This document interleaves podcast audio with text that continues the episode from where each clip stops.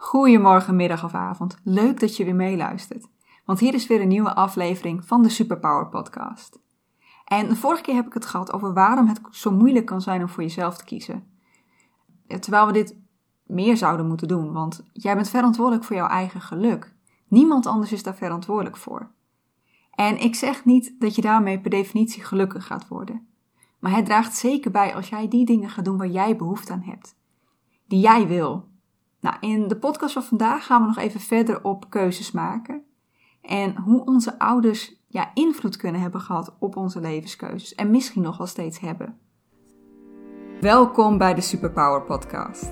In deze podcast neem ik jou mee op de zoektocht naar jouw superkrachten. De superkrachten in je kern, je hart en je kunde. Ik wil jou inspireren om geen genoegen te nemen met jouw werk als jij hier niet gelukkig van wordt. Als je hier geen voldoening uit. En ik geef je handvatten om te ontdekken wat jouw superkrachten zijn, zodat jij het beste uit jezelf, uit je werk en uit je leven kunt halen. Even een kijkje achter de schermen. Ik bereid mijn podcast altijd voor. Ik schrijf altijd uh, op zijn minst in hoofdlijnen uit waar ik het over ga hebben. Want anders zou je een podcast hebben vol met stiltes en us en a's en een, nou, een heel rommelig verhaal, omdat ik gewoon niet weet waar ik naartoe wil. En ik merkte dat toen ik deze podcast aan het schrijven was, dat ik ja, eigenlijk best negatief begon te worden over wat ouders wel allemaal niet van ons kunnen verwachten en waar ze ons bewust of onbewust tegenhouden. En ja, mijn insteek is wel om je hier te laten zien hoe dit misschien voor jou is geweest, hoe het misschien nog steeds is, zodat jij hier grip op kunt krijgen en ja, voor jezelf kunt kijken wat jij misschien anders wilt doen. Voor jezelf, uh, om alsnog die andere keuze te maken, of misschien wel voor je kinderen, hoe je ervoor kunt zorgen dat zij hun eigen keuzes maken. Maar hoewel deze podcast daardoor heel negatief kan lijken en een klaagzang misschien wel lijkt op ouders, dat is zeker niet de bedoeling, want de meeste ouders doen dit wel degelijk vanuit goede bedoelingen. En hebben misschien niet eens door dat ze hiermee hun ouders tegenhouden in hun eigen keuzes. For now, let's get started. Want je kent die verhalen vast wel. Van mensen die een bepaalde opleiding zijn gaan volgen, omdat, ze, omdat dit ze eigenlijk werd opgedragen door hun ouders. Dat ze altijd te horen hebben gekregen dat ze alleen trots op hun zoon of dochter kunnen zijn als hij of zij arts wordt, of advocaat, of iets anders. En als je dit als kind dan maar vaak genoeg hebt gehoord, dan ben je dit misschien ook zelf al gaan geloven. Dat je ouders je niet zullen waarderen als je iets anders zou gaan doen. En het kan natuurlijk ook zijn dat het helemaal nooit hardop is uitgesproken, maar dat dat in je omgeving heel normaal is geweest dat je als kind voor een bepaald beroep kiest wat aanzien heeft. Dat hun ouders alleen trots op ze zouden kunnen zijn als zij ook een dergelijk beroep zouden hebben. Uh, of je hebt een familie waar bijvoorbeeld een bepaald beroep al heel sterk aanwezig is. Uh, waar heel veel mensen al in de advocatuur zitten en dat jij dan denkt: oh, ik moet ook rechten gaan, gaan studeren. Ja, wat ik hier zo jammer vind, is dat er dan van je verwacht wordt dat je je eigen wensen maar aan de kant moet zetten. Uh, zodat je ouders plaatsvervangend trots op jou kunnen zijn. Want eigenlijk willen ze dan zeggen: Kijk mijn zoon of dochter eens. Die heeft het zo ver geschopt. Kijk eens hoe goed we hem of haar hebben opgevoed. En hardop zeggen ze dat misschien niet, maar dat is soms wel waar het om draait. Maar ik geloof gewoon niet dat het aan jou als zoon of dochter is om je ouders trots te maken of om zich trots te kunnen voelen. Het is natuurlijk hartstikke mooi als ze trots op je zijn, maar eigenlijk vind ik dat ouders altijd trots op hun kinderen zouden moeten zijn. Als hij of zij er echt voor kiest om te gaan doen wat, wat hij zij echt wil, waar zij gelukkig van worden. In de vorige podcast heb ik de overtuiging ontkracht dat voor jezelf kiezen egoïstisch is. Uh, eerlijk gezegd, dit is wat ik egoïstisch vind: een dergelijke eis bij je kinderen neerleggen. En dan kun je nog zo denken: ja, maar wij hebben ze grootgebracht. Wij hebben ze opgevoed. We hebben zoveel tijd, energie en geld in ze gestopt. Wij hebben ze op de wereld gezet. Absolute bullshit. Dat was de keuze van de ouder, niet van het kind. En ja, ik, ik heb hier zelf niet mee te maken gehad. Dit was geen eis die mijn ouders aan mij stelden.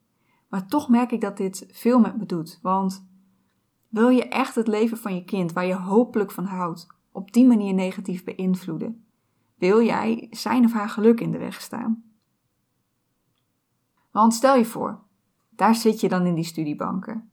Je wilt inderdaad aan de verwachtingen van je ouders voldoen. Rechten, medicijnen, wat dan ook.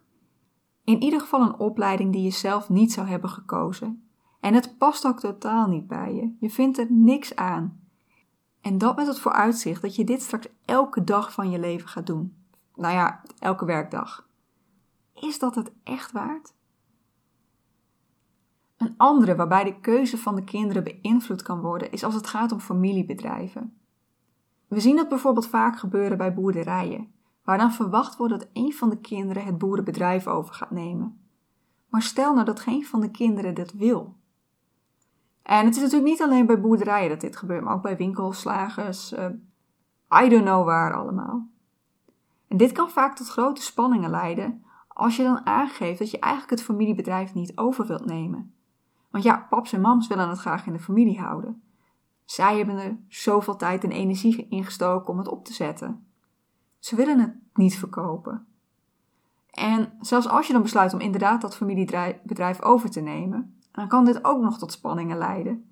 Want misschien wil jij het wel helemaal niet op dezelfde manier doorzetten zoals zij dat hebben gedaan. Dat je uh, dingen wilt verbeteren. Want zij willen natuurlijk het liefst dat alles in ere gehouden wordt. En daar kom jij met al je nieuwe ideeën, al je verbeteringen. En dat hebben ze dan liever niet, want stiekem blijft natuurlijk over je schouder meekijken. Dit zijn voorbeelden van situaties waarin je ouders je hebben kunnen beïnvloeden om iets heel specifieks te gaan doen, zonder dat daar is gekeken naar wat je eigenlijk zelf wilde. Maar het kan ook andersom. Het kan ook dat je ouders hun mening uit hebben gesproken over bepaalde beroepen en functies, waardoor je deze niet eens meer durft te kiezen, misschien wel niet eens meer bewust in, in de overweging meeneemt. Want je hebt te vaak te horen gekregen dat al die managers toch maar machtsbeluste mensen zijn. Of dat alle politici niet te vertrouwen zijn. Uh, of uh, laten we eens kijken naar geslacht. Chauffeur, dat is toch niks voor een vrouw? En verplegen, dat doen toch alleen vrouwen? En ondertussen is bij jou ook dat zaadje geplant dat een dergelijke functie niets voor jou is. Maar het kan natuurlijk nog veel directer. Het kan ook zijn dat je thuis hebt aangegeven dat je, weet ik veel, bijvoorbeeld beroepschauffeur wil worden. En dat je ouders daar op dat moment een sterker uitgesproken mening over hadden. En dat je daardoor die keuze niet hebt durven maken. En nu dus niet doet wat je altijd graag hebt willen doen. Wat je hier eigenlijk ziet is dat je ouders bepaalde overtuigingen hebben. En een overtuiging is een bepaalde stelling die je gelooft. Die kan betrekking hebben op jezelf, zoals ik ben te dik, ben slecht in wiskunde, niemand kan van mij houden. Maar het kan ook betrekking hebben op de wereld. Dat alle managers uit zijn op macht.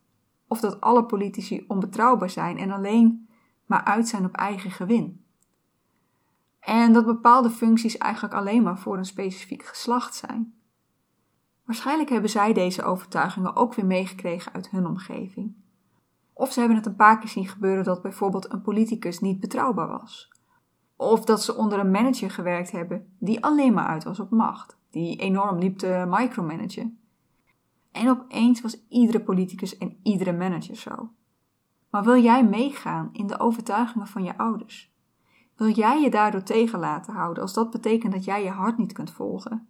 En het op een hele andere manier aan wilt pakken. Jij, jij wilt helemaal niet de politiek in vanuit eigen gewin. En jij ziet jezelf als een manager voor je die er is voor de mensen onder je. Ik noem hier natuurlijk nu een aantal voorbeeldfuncties: arts, advocaat, manager, buschauffeur, politicus. Maar dit zijn maar een paar voorbeelden en misschien herken jij dit wel van jouw ouders voor hele andere functies. En het kan ook zijn dat het niet gaat om hele specifieke beroepen. De meeste van ons zijn opgegroeid met uitspraken als: Doe maar gewoon, dan doe je al gek genoeg. Of dat je vooral je kop niet boven het maaiveld uit moet steken. Ook dit zijn weer overtuigingen dat het beter is om je aan te passen aan de status quo, aan dat wat als normaal gezien wordt door de samenleving, val vooral maar niet te veel op. En misschien nog wel erger, wie voor een dubbeltje geboren is, wordt nooit een kwartje. Nou weet ik niet of je nog bekend bent met de dubbeltjes en de kwartjes. Waarschijnlijk wel, maar mocht dat niet zo zijn. Het is ongeveer zoiets als iemand die 10 eurocent waard is, wordt nooit 20 eurocent. Nou, anyway, dit is een duidelijke overtuiging om je kleiner te houden. Het geeft aan dat we niet groter kunnen groeien. Niet groter dan we op dat moment zijn. Of dat we niet groter kunnen worden dan bijvoorbeeld de familie waarin we geboren zijn. En dit getuigt zo van een statische mindset. De mindset die zegt dat je met bepaalde eigenschappen en kwaliteiten geboren bent en dat je daar nooit beter in gaat worden. Je bent of kunt iets, of je bent of kunt iets niet. En dat terwijl als je gelooft dat je wel kunt groeien, je zoveel meer kunt leren dan je jezelf voor mogelijk kunt houden. Ook hier gaat het weer om overtuigingen van je ouders. Overtuigingen die jij misschien via hen ook wel bent gaan geloven. Overtuigingen die jou kleiner houden dan je bent. Ik denk eerlijk gezegd ook dat dit is waarom we zo weinig uit de band durven te springen. Waarom we het zo eng vinden om te laten zien wat we kunnen. Waarom we twijfelen aan ons eigen kunnen. Waarom we velen van ons toch een laag zelfvertrouwen hebben. Nou, er zijn ook andere overtuigingen die mee kunnen spelen en deze laatste heb ik wel mee te maken gehad. Dat zijn overtuigingen die voortkomen uit een angst. Angst dat je daarmee bijvoorbeeld nooit aan de bak gaat komen. Schilderijen maken, daar kun je toch geen geld mee verdienen? Voor jezelf beginnen, poeh, wat een risico. Ga je het daarmee wel redden? En als jij meegaat in wat zij geloven, of zelfs als je het mogelijk niet gelooft, maar ze daarin ook niet het tegendeel durft te, durft te bewijzen, maak jij die stap niet om het juist wel te gaan doen, om wel dat risico te nemen en wel voor jezelf te kiezen. Bij mij was het een andere overtuiging die meespeelde. Hoewel ik denk dat het een combinatie is van je kop niet boven het maaiveld uitsteken en bang dat ze me zouden kunnen verliezen. Niet op een manier van dat het mijn leven zou kosten, maar wel dat ik uh, verder van ze af zou komen te staan, zowel in afstand van waar ik zou gaan wonen, als een mentale afstand. Ik ben een van de weinigen in mijn familie die hoger opgeleid is. Ik wilde absoluut naar de universiteit. En daarmee was ik anders dan het gros van mijn familie. Ja, ik kan me echt nog wel herinneren dat, dat, dat ik boodschappen kreeg als: Moet je nou echt naar de universiteit? Kun je niet gewoon naar een HBO hier in de buurt? Alsof een universiteit niet gewoon kan zijn. En ik denk ook dat ze bang waren dat ik daarmee het huis uit zou gaan, dat ik ergens anders zou gaan wonen. Ik was op dat moment 18, mooie leeftijd, maar mijn moeder wilde mij nog graag in de buurt houden. En ik ben opgegroeid in Friesland. Friesland kent geen universiteiten en zeker geen universiteitsstad. Maar ik denk ook dat ze het eng vonden dat ik anders zou worden door, in hun ogen een hoge opleiding te gaan volgen. Ik stak daarmee mijn kop wel boven het maaiveld uit. En toch heb ik het gedaan. Ik heb er geen moment spijt van gehad. Qua opleiding heb ik echt 100% mijn hart gevolgd. Bij mij ging het wat dat betreft pas mis toen ik na mijn opleiding een totaal niet gerelateerde functie koos. En zo ver weg ging ik nou ook weer niet, want ik koos voor de stad Groningen, de stad waar mijn opleiding het beste aangeschreven stond en waar ik ook de beste vibe voelde met de universiteit. Voor mij was er gewoon geen andere keuze. Ik ben nog naar Amsterdam geweest, naar Utrecht. Maar die deden mij echt helemaal niks. Dus ja, uiteindelijk bleef ik zelfs gewoon thuis wonen. En was die angst totaal niet gegrond. Maar ze zijn uiteindelijk wel meegegaan in mijn keuze en ik heb, ik heb niks kwijt hoeven raken.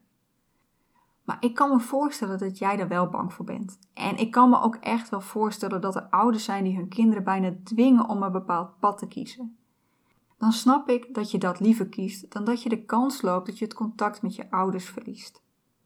Ik ga je hier dan ook absoluut niet zeggen: ga je eigen weg en laat je ouders maar zeuren. Dat moet je alleen doen als dat voor jou veilig voelt. Maar dat betekent niet dat ik er geen mening over heb. Ik vind dat ouders hun kinderen altijd moeten accepteren voor wie ze zijn en ze vrij moeten laten in hun keuze. Ik ben er zelfs een groot voorstander van dat je je kinderen helpt in die keuze. Door met ze op zoek te gaan naar wat ze leuk vinden op school. Wat ze leuk vinden in hun hobby's. Erachter te komen wat hun kwaliteit en hun kernwaarden zijn. waar ze goed in zijn. Want op de, op, op de leeftijd dat je een, opleiding moet kiezen, of eerst al een bepaald vakkenpakket of een profiel moet kiezen, ben je eigenlijk helemaal nog niet oud genoeg om dit zelf te doen. Goed, dat was het weer voor deze podcast.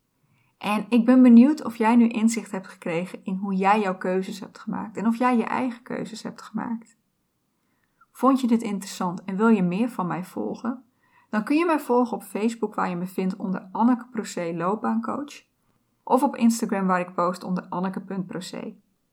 Uh, en je kunt natuurlijk ook altijd abonneren op deze podcast op bijvoorbeeld iTunes. Dankjewel voor je tijd en aandacht en tot de volgende keer.